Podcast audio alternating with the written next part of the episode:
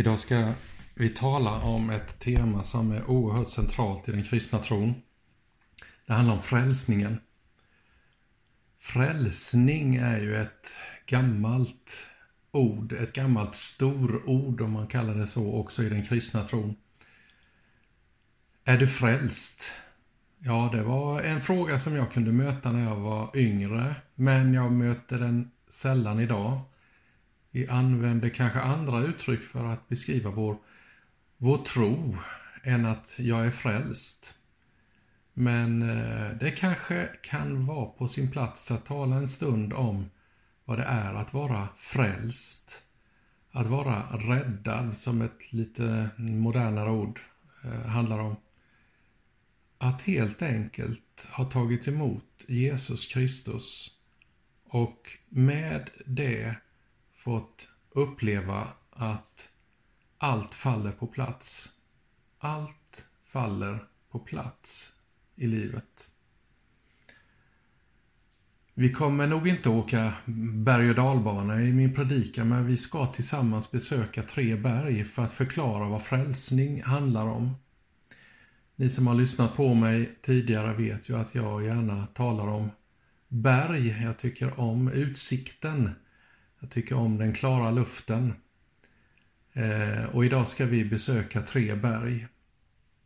De här tre bergen symboliserar samtidigt något av det viktigaste och de viktigaste erfarenheterna i den kristna tron. Och jag vill ta er med till Gamla Testamentet, Jesaja, i det andra kapitlet som är en av dagens texter. Jesaja 2, och från den andra versen.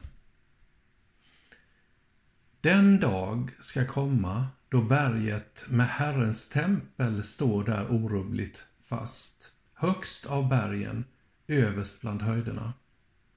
Alla folk ska strömma dit, folkslag i mängd ska komma och de ska säga Låt oss gå upp till Herrens berg, till Jakobs Guds tempel. Han ska lära oss sina vägar, hans stigar vill vi följa. Ty från Sion ska lag förkunnas, från Jerusalem Herrens ord. Han ska döma mellan folken, skipa rätt bland alla folkslag. De ska smida om sina svärd till plogbillar och sina spjut till vingårdsknivar. Folken ska inte längre lyfta svärd mot varandra och aldrig mer övas för krig. Kom, alla av Jakobs ett, låt oss vandra i Herrens ljus. Amen.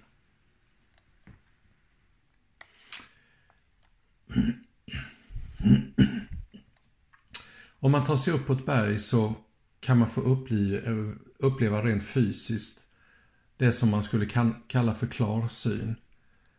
Sikten blir lite längre, perspektiven blir lite bredare Sammanhanget blir tydligare. En plats för Guds tilltal också i Bibeln. I Bibeln finner vi många anspelningar på de olika bergen. Och det används också ofta som en symbol i texterna. Och vi ska kliva upp på tre berg.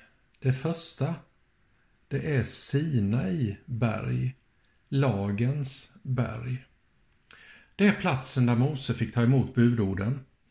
Platsen som förklarar för oss att det finns något som heter synd. Som måste försonas mellan Gud och människor. Sådan är livets grundlag, skulle man kunna säga. Vi behöver Sinai för att påminna oss om vad som är rätt och riktigt, men också hur långt vi har fallit och är beroende av Guds barmhärtighet och nåd. De tio budorden som gavs på Sina är en sammanfattning av de riktigt viktiga frågorna här i livet faktiskt. Man kan nog säga att allt sammanfattas i de där buden. Samtidigt som de så tydligt visar på den bräcklighet som vi människor bär. En bräcklighet i tanke, handling, vilja. Ja, vi vill ju väl. Det tror jag om oss alla. Men det blir fel. Alldeles för ofta vill vi faktiskt också fel. Och trots att vi som kristna talar om ett gammalt lagens och ett nytt nådens förbund, så går det alltså inte att glömma bort det gamla bara för att ägna sig åt det nya. Lika lite som vi bara kan blicka framåt utan att ta spjärn i vår historia och bli historielösa. Vi måste förstå det gamla förbundet, lagen, för att fullt ut värdesätta det nya, nådens förbund. Hur förklarar man det? Hur får vi hur förstår vi det gamla förbundet? Jag tror inte det är möjligt om vi inte läser Guds ord, Bibeln. Jag kan inte stå här och tala och predika söndag efter söndag om inte vi samtidigt läser Guds ord, Bibeln och fördjupar oss i det. Då är några minuter en söndag ingenting.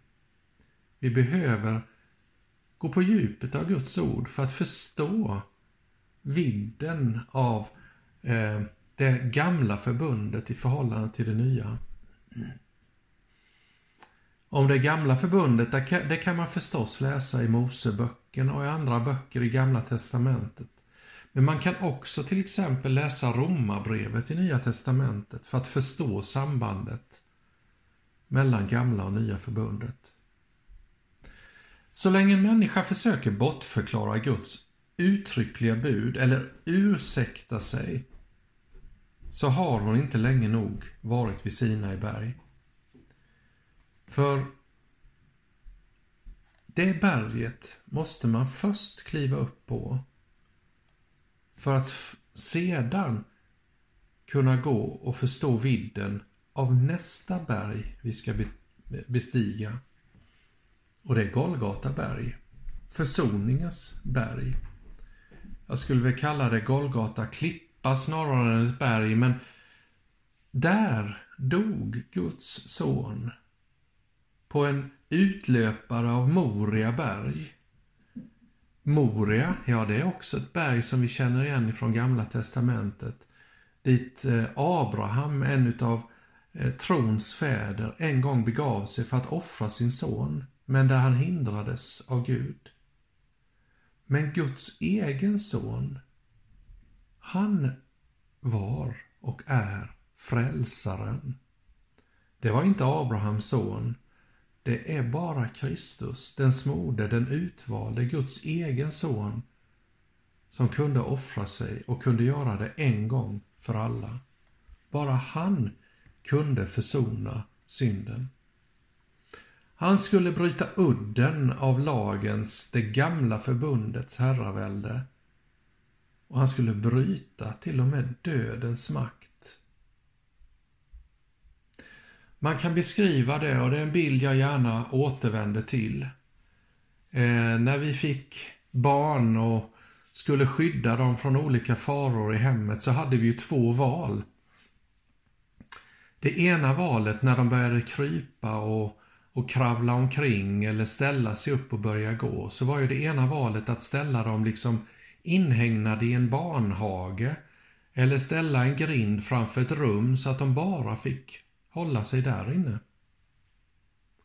Men det kändes inte rätt, naturligtvis. Jag tror vi delar den, den känslan med alla föräldrar i princip. Man stänger inte in ett barn på det viset. Vad gjorde vi istället? Ja, vi hade en barnhage som vi hade fått ärva från, från eh, våra föräldrar. Men vi satte inte barnen i den, men vi satte barnhagen omkring faran. Den, i vårt fall, en värmekamin som stod ganska så mitt i huset. Det är klart att den, den var en fara, den kunde man bränna sig svårt på. Och istället för att ställa barnen i barnhagen så ställde vi barnhagen omkring kaminen. Och använd den bilden när du förstår skillnaden med vad som händer när Jesus försonar all synd på Golgata berg. Från att tidigare ha avskärmat människan med regler och bud och förhållningssätt så stängdes istället synden, ondskan, faran in. Och det var det som Jesus gjorde på Golgata. Han låste in, begränsade dödens och syndens makt. För att få en rätt tro och bevaras i den behöver vi ofta stanna inför berget Golgata. Den som har svårt att tro på förlåtelsen, den som anklagas av sin synd, ska ofta bege sig till Golgata klippa och begrunda dess hemlighet. För där uppenbaras Guds kärlek. Guds son lider för min och din skull, i mitt och ditt ställe. Lagbrytarna, alltså du och jag, får chansen att gå fria i tron på Jesus Kristus. Genom Golgata berg vågar vi tro på syndernas förlåtelse. I Frälsarens namn Jesus Kristus vågar vi se fram emot död och dom.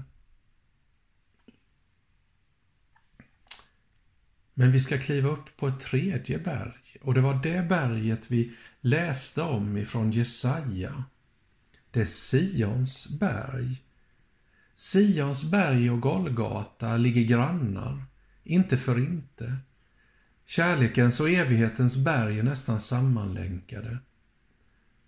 För ett ögonblick bröt den himmelska härligheten in på vår jord så att vad inget öga har sett och inget öra har hört och ingen människas hjärta har kunnat tänka. Men det som Gud har berett åt dem som älskar honom. Det finner man på Sionsberg. För när vi läser texten i Jesaja så hamnar vi ju alltså på Sions, härlighetens och evighetens berg. Det här berget lär oss att allt inte kretsar kring oss här och nu, utan att det finns ett evigt liv som börjar här och nu men som fortsätter i all evighet. Detta berget förklarar för oss att det som hände på Golgata var en seger över döden och ondskans makt. Sen görs ondskan sig fortfarande påmind, men en dag ska ondskan bindas och för alltid förintas. Och då skall alla, som det står i den här texten, strömma upp till detta berg, som är symbolen för den slutgiltiga frälsningen. Då syndens grepp över människor, över skapelse, över allt, en gång fullständigt ska brista. Och Kristus i all sin härlighet ska träda fram. Mellan de här bergen finns det ju dalgångar, så är det ju mellan alla berg. Kanske kan de vara symboler för tider då vi brottas med frågor. För oss som brottas med frågor finns det faktiskt också ett fjärde berg. Det är förklaringsberget. Egentligen förklarar det berget inte så mycket, men i den berättelsen ryms väldigt mycket symbolik och den sätter fingret på något väldigt grundläggande i den kristna tron. Nu tänker jag inte berätta hela berättelsen om vad som händer när Jesus tar med några av sina lärjungar upp på ett berg och där så att säga visa sig för en kort, kort stund i all sin härlighet. Där Mose och profeterna och Elia och andra trädde fram för att betjäna honom. Men hela den här fantastiska händelsen har visat sig för, för de här få lärjungarna som var med så, så när de liksom öppnar sina ögon på nytt igen så finns bara Jesus kvar. Just det. När molnen skingras, när röster tystnar, gestalter försvinner, när oro bryts, då finns Jesus kvar. Jesus, han är frälsningens väg. Du kan söka efter räddning, frid, eh, upprättelse i ditt liv i alla möjliga eh, religioner eller filosofier. Men när du har sökt och sökt och sökt så kommer du till slut att förstå att allt brister, men Jesus kommer stå kvar. Det är bara Jesus Kristus som kan frälsa. Amen.